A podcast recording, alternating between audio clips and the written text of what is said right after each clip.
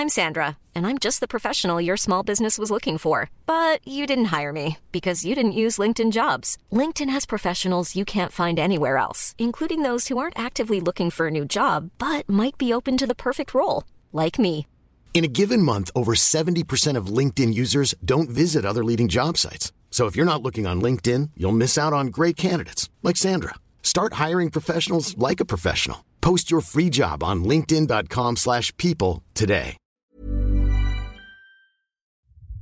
When people are happy with risk and embrace risk, then by definition, uh, prices go high.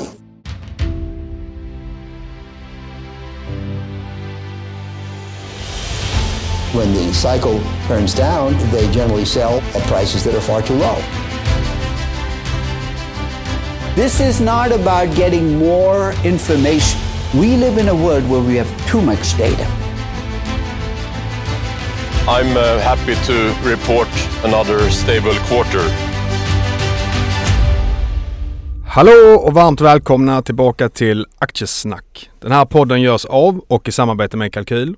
Och idag så har vi med oss en av Sveriges största finansprofiler och faktiskt den första jag lyssnade på när det kom till svenska aktiepoddar.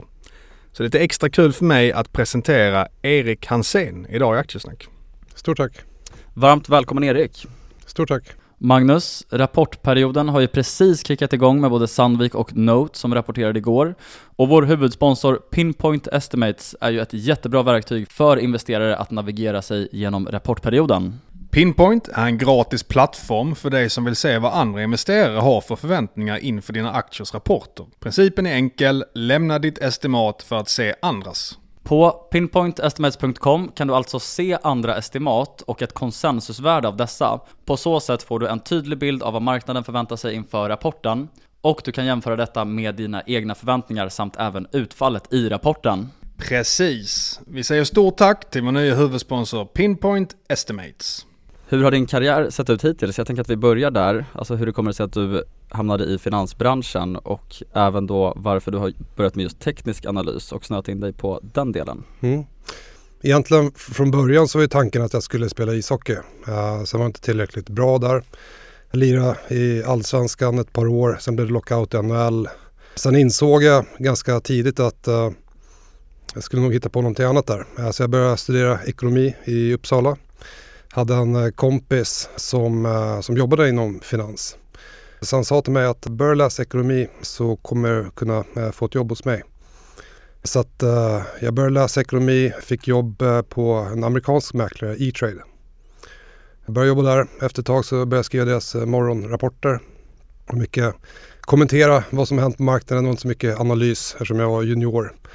Och på den vägen är det lite grann. Samtidigt som jag pluggade då i Uppsala så blev det finanskris, fick sparken från E-trade. Det blev ett svagt intresse för aktier överlag, eh, lite grann som vi ser idag. Intresset försvinner efter en svag period. Jag gillade ändå att skriva, gillade att jobba med, med börsen och jag startade tradingportalen. Jag jobbade med den ett par år. Jag tog in två delägare efter ett par år, eh, Seger Gyllenram och eh, Tony Grina. Och vill du bara förklara vad tradingportalen är också? Ja, det var en, en sajt eh, egentligen där vi tillhandahöll nyheter, analyser, eh, olika typer av tjänster för, för, för traders. Det här var då långt innan det fanns egentligen eh, ja, Twitter eller eh, eh, bloggar och så vidare. Bloggar fanns. Det fanns en eh, blogg, kommer jag ihåg, eh, om just eh, trading. Men annars fanns det inte så mycket ute, information. Så att jag drev den i, i fyra år. Och anledningen till att jag slutade med den var egentligen för att IG, eh, mäklarfirman, frågade mig om jag inte ville börja jobba hos dem. Och då hade jag tröttnat lite grann på äh, livet som, som egen. Mm. Jag saknade det sociala och jag tyckte det var väldigt kul sen då att komma till IG. Jag jobbade på ett kontor tillsammans med, med kollegor och det sociala. Mm. Jag tycker att det är lite extra intressant den kopplingen som du har till eh, en idrottslig bakgrund också för det har jag själv nämligen också. Nu får jag humble bragga lite men jag har ju mm. spelat i Allsvenskan i fotboll. Så jag tänkte bara fråga också, hur tänker du själv att det här har format dig som, som person? Mm. Nej men äh, vinnarskallen äh, tror jag finns där. Sen äh, det sportsliga som man haft med sig då sen ungdomen. Jag tror också en förmåga att äh, samarbeta med andra vilket man måste göra när man jobbar på, på ett kontor. också kanske eh, möjligheten att liksom vilja sätta upp mål, ha, ha liksom en vision vart man ska någonstans. Också kanske vara lite mer stresstålig, kunna hantera stressfulla eh, situationer, vilket man måste eh, kunna göra när man jobbar då inom finans eller med investeringar. Väldigt bra svar. Och eh, tillbaka till karriären så startade du ju bolaget Neuroquant för ett tag sedan. Eh, kan du berätta lite mer om det och vad det är för något?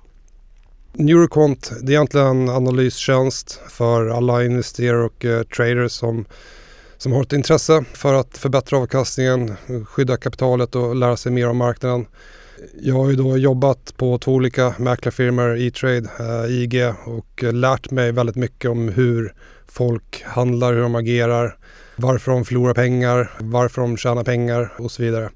Så att jag har ju en väldigt bra kunskap kring liksom, hur den marknaden ser ut. Och det här är egentligen någonting som jag vill liksom, dela med mig av till, eh, till alla andra, inte bara nybörjare utan alla investerare och traders. Och det vi erbjuder på Neurocont det är en lite mer nischad tjänst mot datadriven analys, lite mer kvant.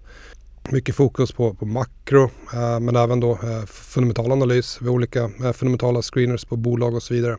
Men det är lite mer datadrivet för jag vill gärna ha datadrivet för jag gillar inte att sitta och tro, hoppas eller gissa vart marknaden eller vad aktier ska.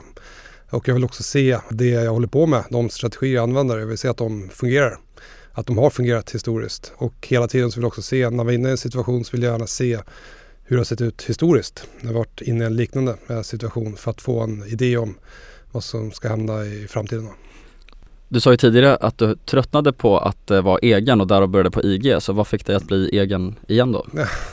det är en bra fråga. Men då, jag hade ändå jobbat på IG i åtta år. Mm. jag kände väl lite grann att jag också ville ha en ny utmaning i, i livet om det var läge att eh, starta eget. När man sitter på mäklarfirma och eh, på bank så får man inte handla aktivt. Då har du restriktioner på hur du får handla. Så att eh, jag vill ju testa det, köra det på, på heltid och då måste man ta beslut om att gå från en trygg anställning till lite mer kanske otrygg tillvaro. Det här var ju samtidigt som jag köpte hus och blev pappa. Okej, okay. så att, Händelserikt. Ja, det har varit mycket som hänt här de senaste åren men ska man köra eget så, så känner jag ändå det att det är nog nu jag ska göra det. Det är inte jättemycket kostnader heller i, i dagsläget. Vet, det blir kanske värre sen när, eh, om man har barn som, som växer upp och ska spela hockey och annat som man måste äh, lägga pengar på. Äta fem mackor äh, i timmen. Men då får man väl gratulera också till både hus och barn. Ja, tack, tack, tack. Men hur många anställda är ni på Neuroquant idag? Ja, det, det är jag och Jens Lennon äh, som är grundare i bolaget. Sen har vi konsulter som jobbar med programmering och utveckling. Vi har lagt mycket resurser på att utveckla plattformen men sen har vi också eh, kvantare eh, som sitter och eh, räknar på modeller.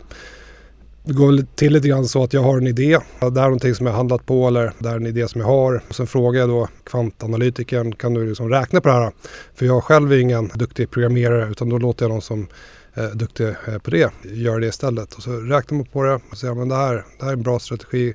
Det här är någonting som ni kan jobba vidare på.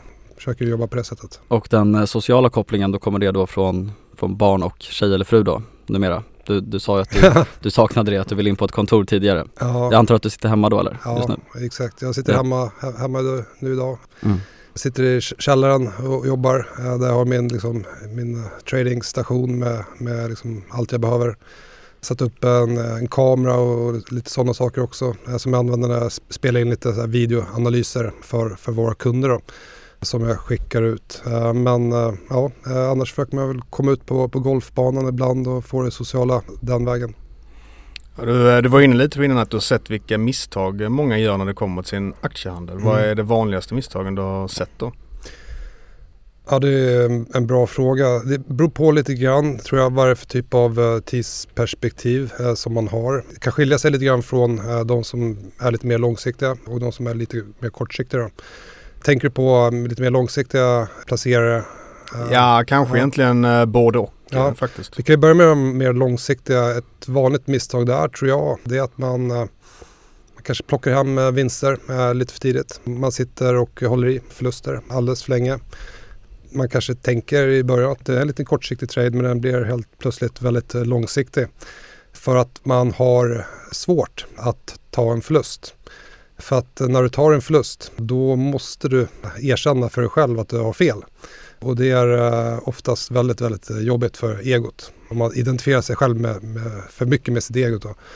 Ja, det kan man ju se mycket på Tyvärr när en aktie går ner väldigt mycket så får ni ofta många fler ägare på Avanza som SBB och Hertz när var på väg konkurs och SAS och så vidare. Så finns, att, ja, folk finns gör även, ju tvärtom där. finns också statistik på att investerare tenderar att hålla i förlorare längre än vinnare Ja. till exempel. Ja, ja. Det har lite med det att göra. Exakt, det Mm. finns en studie, uh, DailyFX gjorde den, uh, ett bolag som IG, mäklarfirma IG äger, de gjorde en studie på 100 000 tradingkonton. Majoriteten av kunderna gjorde vinstaffärer men förlustaffärerna var betydligt Mm. mycket större än, Ja. än vinstaffärerna. Och det, det har ju med liksom det mäns mänskliga egot att göra. Det, det är någonting som alla egentligen, eller de flesta måste jobba med aktivt för att gå emot de här känslorna. Oftast så brukar man läsa vissa böcker att man ska hålla känslor borta från eh, liksom, sin eh, trading eller sina investeringar. Men alla som håller på med det vet att det är omöjligt att hålla sina känslor borta. Det handlar om att komma i kontakt med sina känslor. Och vad gör du själv för att optimera det och komma i kontakt med dina känslor? Ja, jag jobbar mycket på det där. och jag jobbar fortfarande eh, mycket med, med, med känslorna. För jag vet ju att jag eh, blir ju positiv när marknaden stiger och jag blir negativ när eh, marknaden faller. Det ligger lite grann i, i min natur. Och rent praktiskt hur jag jobbar med det där. Meditation till exempel. Varje morgon så mediterar jag. Och det handlar ju egentligen om att komma i kontakt med känslorna. Meditation är egentligen motsatsen till missbruk. När du missbrukar då flyr du från dina känslor. Men när du mediterar då måste du facea dina känslor. Vad kör du för typ av eh, meditation då? Eh, transcendental meditation, TM. Eh, från början var det, tror jag, Ray Dilo som inspirerade mig till det där. Men sen var det också, det hade en period där jag jobbade på IG, det var väldigt stressigt, jag jobbade väldigt mycket och först in på kontoret morgonen och sist hem. Och sen var jag ute med, med kunder, middagar, fester, onsdag, torsdag, fredagar och så var jag ute med, med, med kompisar på helger. Så jag hade en period där jag eh, hade det lite tuffare. Jag gick nästan in i väggen och då kände jag att nu behöver jag någon typ av förändring. Och då började jag liksom söka lite grann vad är det som skulle kunna göra mig att bli lite piggare. Och eh, då började jag bland annat med meditation. Du har också blivit nykterist också, som jag har förstått det, Ja, på grund av det här. ja. Kan du berätta lite om det och vad det har gett dig? ja, Liksom men det, var egentligen, ja, det var egentligen i samband, samband med eh, att jag började ta det lugnare där på, på IG. För att du har ju, när du kom in som, jag var ganska, jag var relativt ung när jag kom in på IG så får du ett representationskonto där du kan gå ut med, med kunder egentligen när du vill. Eh, luncher, middagar varje dag i veckan. Så blir det ganska lätt att det kan gå överstyr. Speciellt om du gillar att hänga på, på Stureplan och sådär. Mm. Eh, men eh, jag kände väl då efter ett tag att eh, nu börjar det nog gå överstyr. Jag hade också en dåvarande flickvän som eh, sa åt mig, Erik nu får du nog dra i bromsen lite grann här. Ja. vilket jag gjorde. Och det här är ju drygt fem år sedan. Okej. Och på tal om mentala saker inom då finans. Vilka biaser skulle du säga att du har och även hur du handskas med att överkomma de här när du investerar? Bra fråga. Lite grann som jag är inne på. Jag blir ofta lite negativ när det faller och så blir jag positiv när det, när det stiger. Och ett sätt för mig att komma undan det där det är att då har jag en modell eh, som jag kallar för trend och eh, trade range. Som ett, ett inbyggt trendfilter baserat på pris, volym och volatilitet. Och sen är det liksom en range. Eh, toppen av trade range och så är det botten av trade range. Och så försöker jag följa den strategin jag har eh, för att då kunna gå emot eh, de här biasen som jag har där. I övrigt, jag kom in i marknaden eh, innan finanskrisen. Ibland brukar jag liksom fundera på hur, hur det kändes under finanskrisen. Men jag kommer inte riktigt ihåg hur, hur det var under finanskrisen. Eh, Men jag, jag var ju där, Mm. eh, som många andra. Men jag tror också att det har format mig lite grann. Att bli lite mer försiktig. Eh, Vilket gynnar mig under ett år som det här året. Men det har också missgynnat mig under perioder där aktiemarknaden har gått eh, väldigt starkt. Då har jag kanske varit lite för eh, defensiv. Då. Kan du berätta lite mer om den här uh, timingmodellen du har? eh, Mm. I detalj, vad är det som ligger inne i den? Och sen har jag också sett att du har sagt någon gång nu under den här björnmarknaden att köpa på nedgång i en björnmarknad är ingen bra strategi. Men i en positiv marknad så är det jämviktspendling och då kan det vara det på kort sikt. Mm. Så hur, hur ser du på den biten? Den här timingmodellen som du refererar till, jag tror du tänker på den här makromodellen, tillväxt, inflation. Ja. Den använder egentligen för att få ett, en övergripande blick över hur det rådande marknadsklimatet är utifrån ett top-down perspektiv, liksom makroekonomin. Ofta är det då ett förändring av tillväxtinflation eh, som styr mycket av hur investerare ser på marknader med faktorsdelar och sektorer. Ibland blåser liksom medvindar, makro, makrofronten, ibland eh, blåser det motvindar. Och det, jag använder den egentligen för att veta var, var jag ska fokusera, vilken typ av marknader och sektorer eh, jag ska ha en övervikt mot, eh, men också vad jag ska undvika. Under vissa marknadsregimer så måste man undvika vissa saker. Till exempel bitcoin, krypto. ska man undvika när eh, tillväxten eh, decelererar, faller tillbaka, när det är svag riskaptit. Men sen använder också för att överlag eh, justera liksom, riskexponering i marknaden. Ibland vill jag ha en högre riskexponering i marknaden. Ibland vill jag ha en betydligt mycket lägre riskexponering där jag tar lite försiktigare. Och vad, vad visar den att det är bra att ha för någon typ av instrument just nu? Ja, det är en bra fråga. Eh, I början av året eller redan under Q4 förra året så slår ju den om till, till negativa signaler och har varit negativ här under 2022. Det har varit så kallad marknadsregim slowdown eh, som jag kallar det med eh, fallande tillväxt och stigande inflation. Nu idag då, vi har kommit en ganska lång bit i den här nedgången och nu för Q1 nästa år så räknar den på att vi kommer se en liten stabilisering i tillväxtdata. Sen Q2 nästa år, då är det återigen en negativ marknadsregim. Så just nu så står vi lite grann i ett, eh, i ett läge där jag har kommunicerat till, till, mina kunder att ja, det kanske inte är läge just nu att vara extremt bäsad negativ till, till aktiemarknaden idag. Eh, vi har också säsongsmässigt stark period här under eh, fjärde kvartalet vi ser en del liksom, indikatorer börja vända uppåt, momentumindikatorer. Det finns också en stor eh, karriärsrisk för många professionella aktörer att vara för negativa. Eh, om det skulle vara så att, för nu har vi haft ett väldigt svagt år. Är du fondförvaltare, då måste du sedan eh, motivera, eh, för, förklara för din chef om du har, om du har underpresterat och eh, varit för defensiv under Q4. Så blir det så att aktiemarknaden börjar återhämta sig lite grann, då kan det finnas en sån här... Eh, folk behöver jaga i fatt. Ja, då kommer folk verkligen jaga i fatt. Och det kan liksom spä på en, en, en liksom redan trendande rörelse. Då, så att man får en liten uppgång. Men eh, trenden är ju fortsatt neråt och, och som du nämnde där också att det är en uh, dålig strategi att försöka köpa på, på svaghet eller köpa på översåldhet i en fallande trend det är mycket saker i fallande trend eller i en björnmarknad som, som inte fungerar på samma sätt som i en bull market. Till exempel köpa på, på dippar. Det fungerar mycket bättre att uh, sälja uh, på upprekyler eller shorta uh, på upprekyler. Positioneringsstatistik uh, fungerar inte heller på samma sätt i en björnmarknad. Kollar man på en bullmarknad det brukar vara ett bra köpläge om man köper då när alla är negativa. Mm. Men i en björnmarknad, i en liksom större cyklisk björnmarknad som kan pågå 1-5 år, då är det många av de här som tar en position för nedgång, de kan ha bra tålamod, kan hålla, hålla i länge.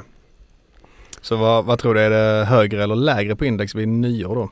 Ja, det är en jätterolig eh, fråga. Man får ju sällan ett eh, roligt svar på det där. Det är väldigt binärt som jag var inne på lite grann där, Q4 säsongsmässigt starkt. Eh, jag, jag, jag, tror att eh, vi kan se en liten stabilisering här under eh, fjärde kvartalet.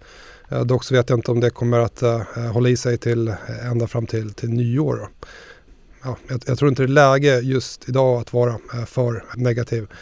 Nu har jag ju kompisar som inte alls är intresserade av börsen som, som börjar höra av sig om att få tips på hur man ska liksom tjäna pengar när det faller. Och då, då har man kommit ganska långt i, i den här cykeln. Och då, tror jag kanske man, man ska vara lite försiktig med att vara för aggressiv här på, på nedsidan. Räknar du också på bolag utifrån en fundamental ståndpunkt? Alltså kombinerar du teknisk analys med fundamental analys och i så fall hur gör du då? Ja, jag räknar inte på några kassaflödesmodeller. Jag, jag läser eh, kvartalsrapporter, årsrapporter eh, som alla andra. Jag är intresserad av, av de bolagen som, som jag handlar. Jag, jag vill ha en förståelse för vad de gör. Men sen är jag också väldigt eh, datadriven när det kommer till liksom, urvalskriterier. Eh, jag har eh, den här screenen där jag har olika faktorer som, som jag kollar på. Bland annat vinst och, och, lönsamhet och värdering och, och risk. Även eh, hur mycket institutionellt ägande eh, det är i ett bolag och så vidare. Jag försöker överlag undvika den här typen av bolag som har väldigt stort ägande bland privatsparare. Varför då? Ofta kan det bli en, en hype som reverseras. Under tiden jag jobbade på E-trade, IG, så har jag sett många av de här bli en hype och sen blir det en parabolisk uppgång och sen kommer tillbaka eh, väldigt snabbt. Mm. Och det, det, är lätt att eh, dras med det där. Eh, lätt att dras med i någon typ av eh, FOMO. Man, man, är rädd att eh, missa en, en, en, större uppgång. Så börjar man läsa på, på forum och så eh, känner man att man, är liksom, man börjar identifiera sig med, med bolaget eller man följer någon som är ledare eh, för bolaget. Det kan vara en, en vd eller no, någon annan som är liksom frontfiguren och så mm. blir det ett case som jag kanske inte tycker är eh, jättespännande. Varför gör du inte några diskonterade kassaflödesanalyser? Just DCF ja. är ganska kontroversiell men det vore kul att höra din take på just jag, jag, DCF. Jag, jag har ingen edge överhuvudtaget där. Skulle jag göra en eh, eh, kassaflödesanalys så skulle den hamna ungefär kring eh, konsensus. Visst, jag skulle göra på lite mindre bolag som, eh, som inte är eh, täckta lika mycket av analytikerna men jag, jag, jag har ingen större edge. Det finns mm. många som är duktigare eh, än vad jag är på det helt enkelt. Försöker fokusera på, på det som jag är duktig på. Bra svar. Och sen eh, har du lite indikatorer också som du har varit inne på för att följa hur marknaden förmodligen kommer gå framöver. Eh, mm. Kan du berätta lite om dem som Dr. Koppar och Transportindex och så? Vad är det man kollar på där och varför kollar man på just dem? jag tror det var Stanley Druckenmiller, han sa att den, den, bästa indikatorn egentligen för ekonomin det är liksom insidan av aktiemarknaden. Och då kan man kolla på olika sektorer eller behöver inte vara sektorer, det kan vara faktorstilar eh, marknader som, som har en lite så ledande karaktär, lite så early eh, cyclicals. Och det är ju superintressant att, att, att kolla på nu. Eh, liksom de sektorer som brukar vara tidiga att vända i den här tillväxtcykeln. För just nu så eh, tillväxtcykeln toppade ju förra året och den fortsätter att falla. Och då vill man ju se de sektorer som brukar vara tidiga att vända. Det är till exempel det är, det är bank till exempel, det är tillväxt, det är uh, halvledarbolag, den typen. Tror du att det kommer vara de, de, som vänder tidigt den här cykeln också eller är det speciellt nu med inflation och liknande? Ja, jag tror att de kommer vända tidigt också. Uh, däremot så tror jag att det kommer vara en betydligt annorlunda period som vi är inne i kommande liksom, tio åren. Det tror jag. På grund av inflationen. Inflationen knäcker alla äh, längre bull markets. Både så här, cykliska bull markets på 1-5 år med strukturella bull, bull markets på 15-20 år. Det är alltid inflationen som knäcker dem. Och eh, 2022, det är, det är en större topp i marknaden och nu är vi inne i en cyklisk eh, bear market. Eh, och när vi kommer ur den björnmarknaden kommer fortsatt leva i en miljö tror jag som kommer vara lite annorlunda än den miljön vi var inne i innan eh, pandemin. Det finns mycket som talar för att eh, även om inflationen eh, toppar och det har ju visserligen toppat redan i USA men om den kommer tillbaka så strukturellt kommer vi vara på betydligt mycket högre nivåer än de senaste tio åren. Det finns många anledningar till det. Många av de här faktorerna som har pressat inflationen de senaste tio åren de har ju reverserats helt billiga varor från Kina. Kina är inte längre en eh, pålitlig exportör. Billiga, eh, billiga energipriser. Även om de löser den krisen så kommer inte energipriserna vara lika billiga. Och eh, billig arbetskraft. Jag tror att pandemin har förändrat mycket när det kommer till arbetskraften. Kolla bara på, på mig själv och jag vet att du också har sagt upp dig. Vi värdesätter andra saker i livet och det finns ju trender där ute som gör att folk inte vill inte jobba lika mycket. De vill jobba hemifrån. Och Eh, det här är någonting som förändrar arbetsmarknaden i USA. Det är jättesvårt för företagen att få tag på folk. Det är någonting som kommer pressa upp eh, lönerna. Strukturellt höga inflation. Det här är någonting som talar för eh, råvaror, banker, talar för tillväxtmarknader. Ofta ser man ju trender på 15 år. Man får en bull market på aktiemarknaden 15 år samtidigt så är det en bear market på råvar, råvarumarknaden i 15 år. Nu har haft en strukturell bull market här från finanskrisen. Nu har ju råvaror börjat, tror jag, en återhämtning. Jag tror att det kommer att vara en bull market på, på råvarumarknaden kommande 15 åren. Jag tror att eh, många av de här bolagen som kanske har gått väldigt starkt de senaste 10 åren kanske inte kommer att gå lika starkt. Ofta är det så att man, man tror att det som hänt de senaste 10 åren kommer att upprepa sig men ofta så brukar det inte vara så. Nej, det är väldigt sant. Är det någon speciell sektor idag som du är extra bullish eller bearish på? Om vi får en liten uppstuds här under fjärde kvartalet så kommer det förmodligen vara det som har tagit mest stryk som kommer studsa upp mest. Så det brukar se ut. Och då tror jag ändå man måste söka sig till det här som är lite mer högbeta, lite tech, mm. tillväxt och så vidare som kan liksom studsa uppåt. Jag tror inte man ska nu gå in i liksom för defensiva sektorer, aktier, stapelvaror eller de här defensiva. Ja. Mm. Intressant. Och eh, vad, vad letar du efter för att känna dig övertygad om att det har varit en botten i marknaden? Är det några speciella indikatorer du sitter liksom och letar efter där eh, som mm. put call ratio eller liknande? Eller hur ser mm. det ut? Ja, put call ratio, den kan man kolla på men det är lite kortare sikt då.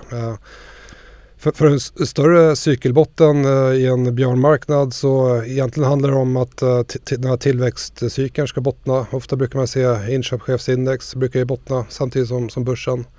Men eh, i övrigt då så jag har ju en liten checklista där jag vill pricka, pricka av vissa saker och det är de här eh, modellerna som jag har. Eh, bland annat den här marknadsregimsmodellen som jag pratade om förut. Det är liksom samma modeller som gjorde mig negativ som ska göra mig positiv.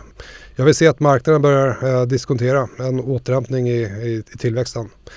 Det är dock lite eh, paradoxalt eftersom att om eh, vi ser att, den, eh, att tillväxten börjar stabiliseras, att vi får helt okej bolagsrapporter här i, för Q3 så kommer det också sätta press på kärninflationen eller kommer liksom ge stöd till kärninflationen.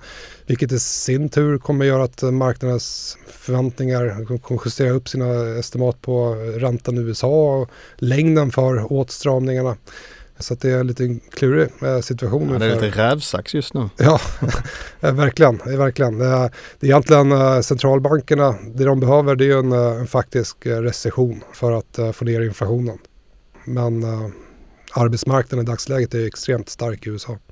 Sen har vi lite ganska många Twitterfrågor också. Mm. Uh, där har vi bland annat att det här med du screenar ju på de som gör 100 dagars högsta bolagen. Vad är det som får dig att ta en position sen när du har screenat fram ett stort antal bolag? Ja, precis. Det där är ju en, en, en, det är ett väldigt enkelt sätt för mig att läsa av marknaden. Uh, varje morgon så så kollar jag på nya 100 dagars högsta, jag har gjort det i tio år Uh, och, och, då får jag en känsla för vilka aktier som uh, bryter uppåt från konsolideringar. Men den, den fångar också upp aktier som trendar uppåt. Så att eh, jag lägger också till ett, ett villkor som är liksom fallande 200 dagars glidande medvärde. Eh, vilket gör att eh, då fångar man upp, jag kallar den här screenen för bottenfas-screener. Då fångar man upp aktier som har fallit under längre tid, sen konsoliderar och sen bryter uppåt. Och det är egentligen bara ett sätt för mig att eh, få en känsla för marknaden och eh, se de aktier som börjar liksom vakna till liv. Eller de som trendar starkt. Och sen uh, villkor för att sen komma in i de aktierna, uh, då krävs en helt annan uh, typ av analys. I början av min karriär tänkte jag så här att ja, nu har jag gjort min analys, nu ska jag köpa. Sen insåg jag att det funkar inte riktigt så. jag behöver göra min analys och sen behöver jag också fundera kring, är det bra läge att köpa nu eller inte? Hur investerar du privat? Har du någon långlåda eller är det bara trading? Och hur ser liksom fördelningen ut mellan det i så fall? Ja, jag har en uh, lite lång låda som som jag kallar för min driver. Där jag kan eh, slå lite eh, snabbt ibland. Eh, sen har jag lite mer swinglåda som är lite mer kortsiktig. Där jag både kan köpa och blanka. Sen har jag en liten låda där jag handlar lite mer globala marknader utifrån liksom makro. Det kan vara råvaror, det kan vara vissa faktorer, ETFer, valutor och så vidare. Så det är tre olika portföljer som jag kör med. Har du någon spikad eh, procentuell fördelning mellan de här? Nej, inte alls. Inte alls. Den, den kortsiktiga affärerna har ju börjat med här uh, i december, januari. Just det, för det fick du inte göra tidigare. Ja, exakt. Jag jobbar mm. som mäklare. Så ja. i, grund och botten har jag jobbat som analytiker i åtta mm. år. Ja. så att det är nu här senaste halvåret som jag återigen börjat liksom handla kortsiktigt. Då. Jag, jag, tror, jag tror många kanske ser mig som att jag är någon kortsiktig trader. Eh, men jag tror att eh, jag är betydligt mycket mer långsiktig tror jag än vad de flesta eh, kanske tror. Jag är extremt långsiktig. Jag försöker ligga rätt i de längre med cyklerna och så gasar jag när jag känner att det är läge att gasa. Sen bromsar jag lite grann när, eh, när jag vill vara lite mer defensiv. Vad har du för eh, förebilder som format dig till den du är och har du några boktips också? Även utanför börsböcker? Ja, men I början så läste man de här uh, Market Wizards-böckerna. Det var mm, då intervjuer med framgångsrika investerare. Bland annat uh, Stanley Druckenmiller, Paul Tudor Jones och de här. Stanley Druckenmiller snittat 30% per år i, i 30 år. Noll minusår. Ja, exakt noll. Han lyckades rädda upp det i liksom fjärde kvartalet någon gång sådär när han låg snett. Jag handlar definitivt inte som, som han gör. jag tror inte det går att göra det heller idag på samma sätt. Han tog stora makrobets. Den edgen har man ju sett har försvunnit eftersom det är betydligt många mer sofistikerade aktörer på marknaden som, som kör liknande saker. Han har själv sagt att han inte alls samma edge i sin strategi idag som han hade förut. Då. Paul Tudor Jones han körde liknande strategier. Den typen av äh, investeringar eller spekulationer jobbar inte jag med. George Soros gjorde liknande typer av affärer. Ray Dalio är väl mer den typen som, som jag eh, eh, tycker är intressant idag för han liksom jämnar ut svängningarna eh, genom sin all weather eh, portfolio. Där han då kollar på tillväxt och inflation eh, som jag gör då i min makromodell. Och han, då, han sprider ut det så att det är helt liksom, jämnt över de olika marknadsregimerna. Man har en liten exponering mot den marknadsregimen och man har en liten exponering mot eh, de andra tre marknadsregimerna för att jämna ut volatiliteten. Jag är lite mer då, jag har de här marknadsregimerna och sen baserat på vart vi är någonstans och vad jag tror att vi ska någonstans så har jag en liten ökad exponering mot en eller flera marknadsregimer. Och det här med edge och att det förändras över tid tycker jag är lite spännande. Ja. Det du sa liksom att en strategi som funkade för kanske 20-30 år sedan fungerar inte lika bra idag. Det är lite så det funkar med teknisk analys generellt ju. Mm. Så att hur ofta sker det någon sån förändring i liksom dina, dina verktyg och de, de kvantitativa metoderna som du använder? Ja teknisk analys. Man kan ju säga att det, det fungerar inte överhuvudtaget liksom, om, om man var sån typ av teknisk analys. Jag kommer ihåg i, början, jag satt där med några glidande medelvärden. Jag trodde att jag skulle tjäna pengar på det. Det funkar inte så. Det faller lite grann på sin egen rimlighet att det ska vara så enkelt. Mm. Du behöver ju kombinera det. De, de, personer som jag känner som har lyckats väldigt bra med teknisk analys, de har ju en bra känsla för marknaden överlag. Det är samma sak med om du kollar på cykler och så vidare kan inte bara kolla på cykler, kan inte bara kolla på säsongsmönster. Du måste ju sätta, lägga ett pussel. Och det är samma sak med, e- egentligen spelar det ingen roll vilken typ av analys man jobbar med. Vi jobbar med framtiden, all, all, all form av analys är väldigt utmanande. Det handlar mer om personen bakom analysformen. Det som har fungerat tidigare, som inte fungerar idag. En sak är väl lite grann så här att förut kunde du få en, om du får en positiv reaktion till exempel på, på nyhet eller på rapport och så vidare fick man ofta en follow-through som kunde hålla i sig ett tag. Det fungerar inte på samma sätt idag. Eh, post earning announcement drift vet jag att du pratar om ibland. Ja. Är det samma sak där att inte den fungerar lika bra längre eller? Alltså den fungerar lika bra men inte, alltså den fungerar men inte lika bra. Mm. Förut fungerar den väldigt, väldigt bra också på kort sikt. Nu, alltså får du en stark rapport så kommer det få en drift uppåt på liksom, veckor, månader. Men den här driften var ju betydligt mycket äh, starkare äh, tidigare. Nu är det en massa algoritmer och olika typer av aktörer som, som går emot de här rörelserna. Äh, som, som gör att det blir betydligt mycket mer komplicerat. Sen tror jag också under tiden som jag i början där, om man kollar 2014, 2015, en kompis som jobbar mycket då med, med daytrading handlar mycket på, på flöden, eh, mäklarstatistik. Nu har i och för sig mäklarstatistik försvunnit på, på många eh, bolag, även på Stockholmsbörsen. Han och några andra var ju väldigt stora på det här men sen kom eh, nya generationen med, med traders, Eka Lundin med flera eh, som också handlar på, på flöden, mäklarstatistik, orderböcker. Eh, och eh, äh, nu ökade konkurrensen, såklart att som edgen där också försvunnit lite grann. Eh, och sen nu när perioden vi är inne nu, en björnmarknad, så är det väldigt många strategier som inte fungerar längre. Buy, buy the dip funkar inte lika bra längre. Man kommer inte undan, kommer inte undan lika bra tyvärr. Förut så kunde man ju komma undan med det mesta. Gjorde du ett misstag och du hamnade fel i positionerna så kunde du strutsa lite grann, ligga, vänta och så till, till, till slut så, så, så vände det. Idag så är det betydligt mycket svårare tyvärr. Använder du några stopploss och sådana här verktyg? Ja. Det vill säga för att tackla den här mentala biten också? Ja, inga så här hårda stoppar som jag lägger in uh, i, i, marknaden men Jag, jag har ju såklart eh, eh, som stopptänket. Jag, jag tar ju stoppar. Eh, jag gör liksom fel. Jag gör ju fel ganska ofta. Men jag försöker, försöker ha fel av rätt anledning och inte ligga fel för länge så att säga. Försöker tjäna bra med pengar när jag har rätt. Eh, och sen försöker jag eh, undvika att ha fel för länge.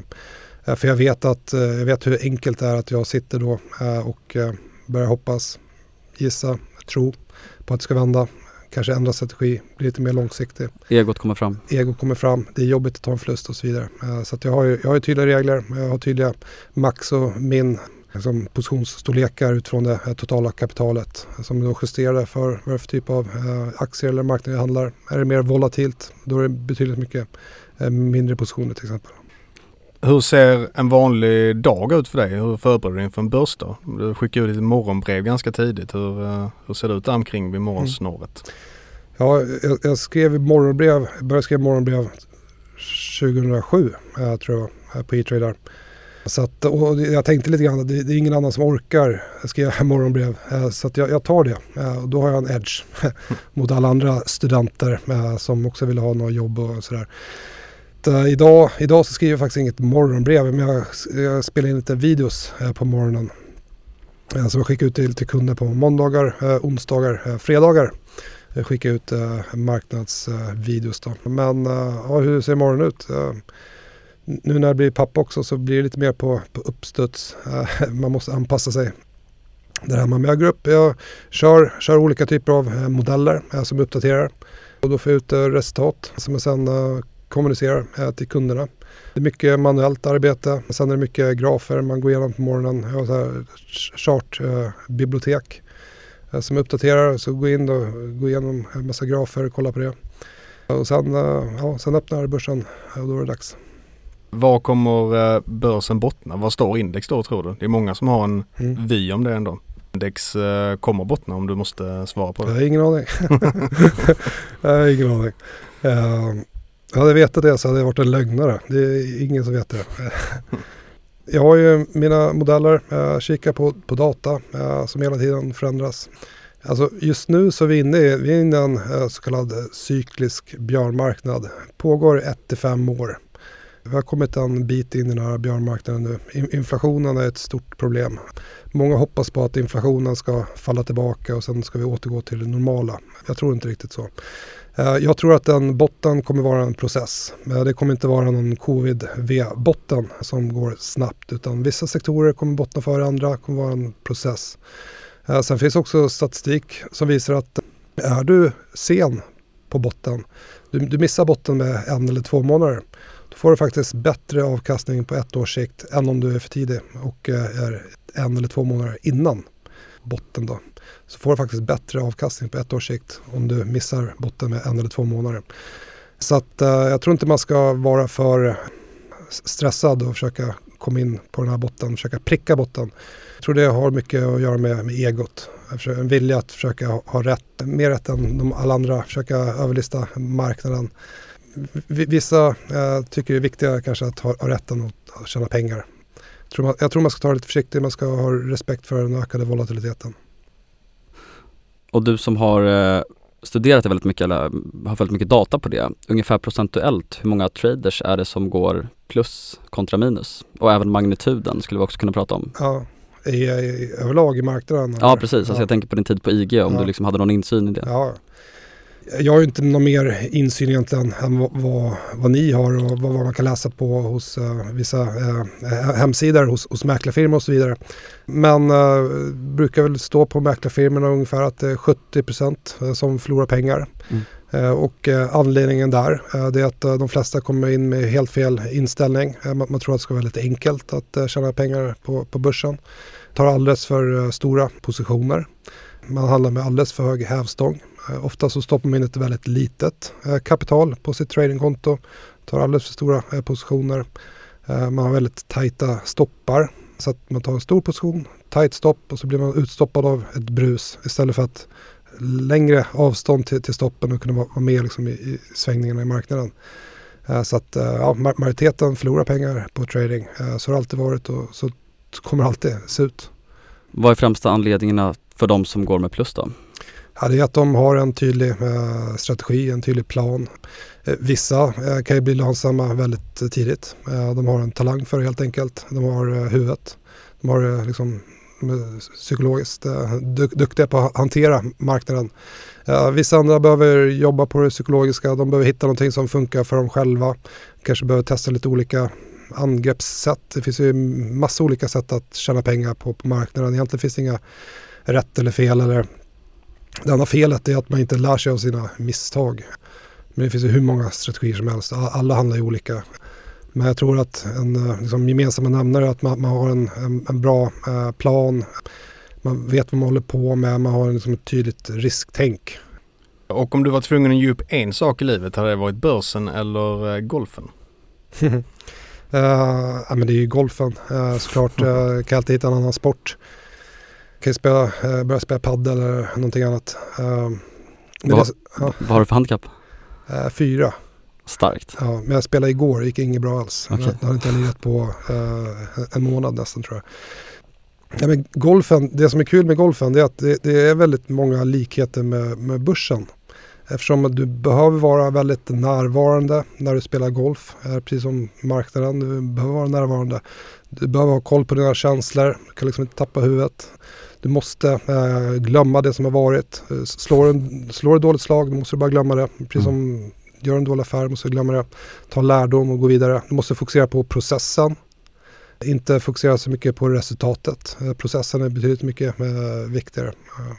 Och när det kommer till börsen, eh, Tycker du att det finns mer värde än att bara tjäna pengar? Det känns liksom som att det ger dig mening och så vidare eller hur, hur ser det ut där?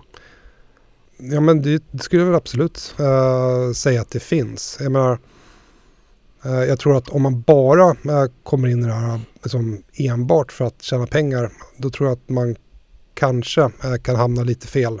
Det finns risk kanske att man blir lite för, har lite för bråttom och sådär. Jag tror att man ska ha ett brinnande intresse för för, för marknaden, för aktier, bolag. Ha, liksom, ha ett intresse för, företagande, ha ett intresse för att hålla sig uppdaterad vad som händer. Uh, oavsett om man liksom är makrointresserad och liksom intresserad av omvärldsfaktorer så kanske man är entreprenör och intresserad av att liksom bygga bolag och ha en förståelse för hur det fungerar. Jag tror också det är lärorikt uh, att uh, börja handla på börsen för att man lär känna sig själv. Man behöver vara liksom närvarande och ha koll på sina känslor. Nackdelen, nackdelen det kan ju vara att man blir lite så här för besatt. Jag är besatt kring börsen. Jag kan liksom bli besatt av vissa saker. Uh, och den här, den här, besattheten den kan ju gå ut över uh, familj och, och, så vidare. Att man hela tiden går runt och tänker på uh, börskurser hela dagarna. Det ja. första man tänker på när man vaknar och det sista man tänker på när man går och lägger sig. Och det är kanske inte så roligt att leva med en person som inte är närvarande. När jag var ute med träffa kunder och sådär eh, i mina eh, tidigare arbeten så, så, så, så, noterar jag att det är många som eh, av de här manliga traderserna som, som är skilda. uh, och då kanske finns, kanske finns någon koppling där mellan uh, liksom besatthet kring börsen och att det uh, kanske är svårt att ha liksom, en bra relation också. Så det, det, är någonting som, som jag tänker på. Ja, det har man fått höra någon gång ändå. Där hemma. Kolla inte på mobilen. Ja. Du är inte närvarande. Exakt. Kanske därför jag är singel nu. Ja, det är det. Ja, det är därför. Jag är helt övertygad. ja. Uh, och sen också en uh, fråga, en, en kompis här tycker att du ser, ser stark ut. Vad tar du i frivändning? Höj, um, 120 uh, tar jag i frivändning. bänkpress? 130 tror jag uh, senast. Jag la upp någon video där på Twitter på frivändning 120. Jag blev själv förvånad när jag tog det faktiskt. Jag trodde inte jag skulle ta det. Uh, jag är lite starkare nu faktiskt än vad jag var när jag var typ 20-25 år och spelade hockey. Uh, så att det lite roligt faktiskt. det är inte du Magnus? Att, Ganska långt ifrån. Men sen äh, dricker jag alkohol, jag är inte Erik. så att, äh, kanske ligger där. Jag, fus jag fuskar menar du? ja exakt. jag måste bara passa på att fråga också. Vilken tycker du är Sveriges bästa golfbana?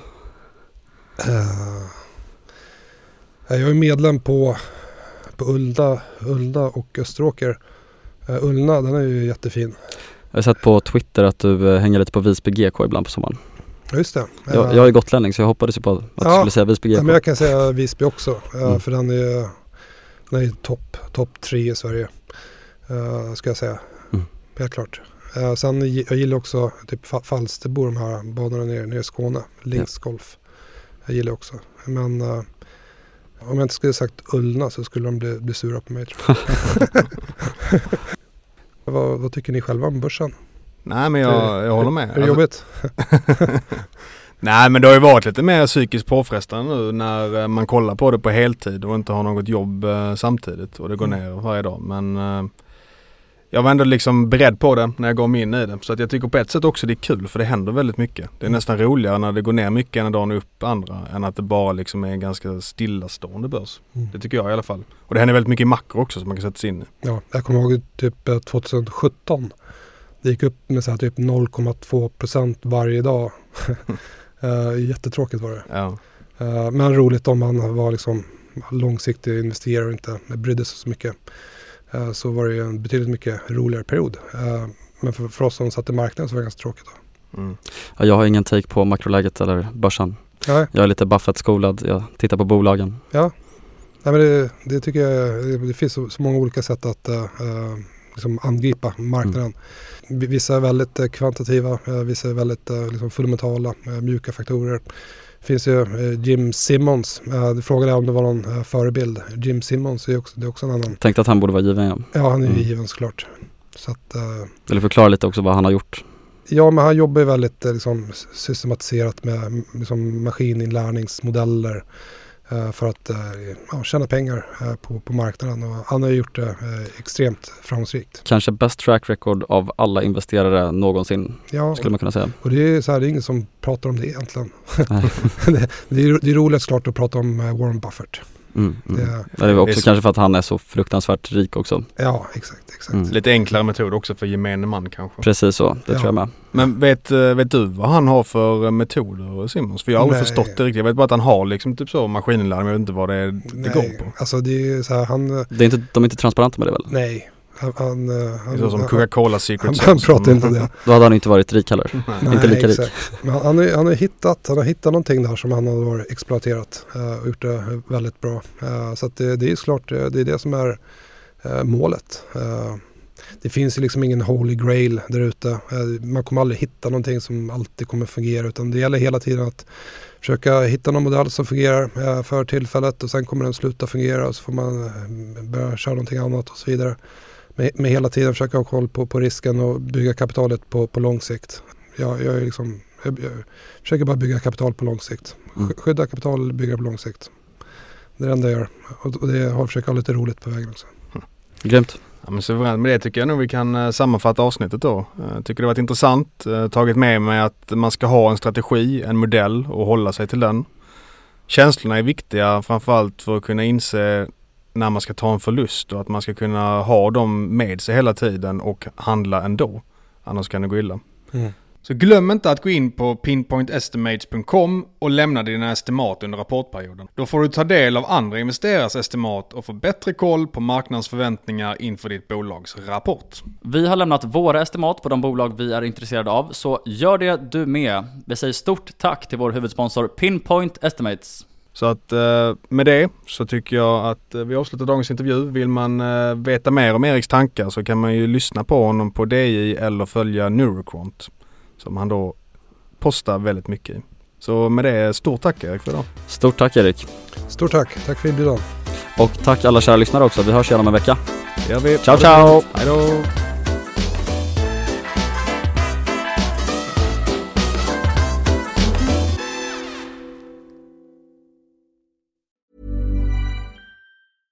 Mom deserves the best, and there's no better place to shop for Mother's Day than Whole Foods Market. They're your destination for unbeatable savings, from premium gifts to show-stopping flowers and irresistible desserts. Start by saving 33% with Prime on all body care and candles. Then get a 15-stem bunch of tulips for just $9.99 each with Prime. Round out Mom's menu with festive rosé, irresistible berry chantilly cake, and more special treats. Come celebrate Mother's Day at Whole Foods Market.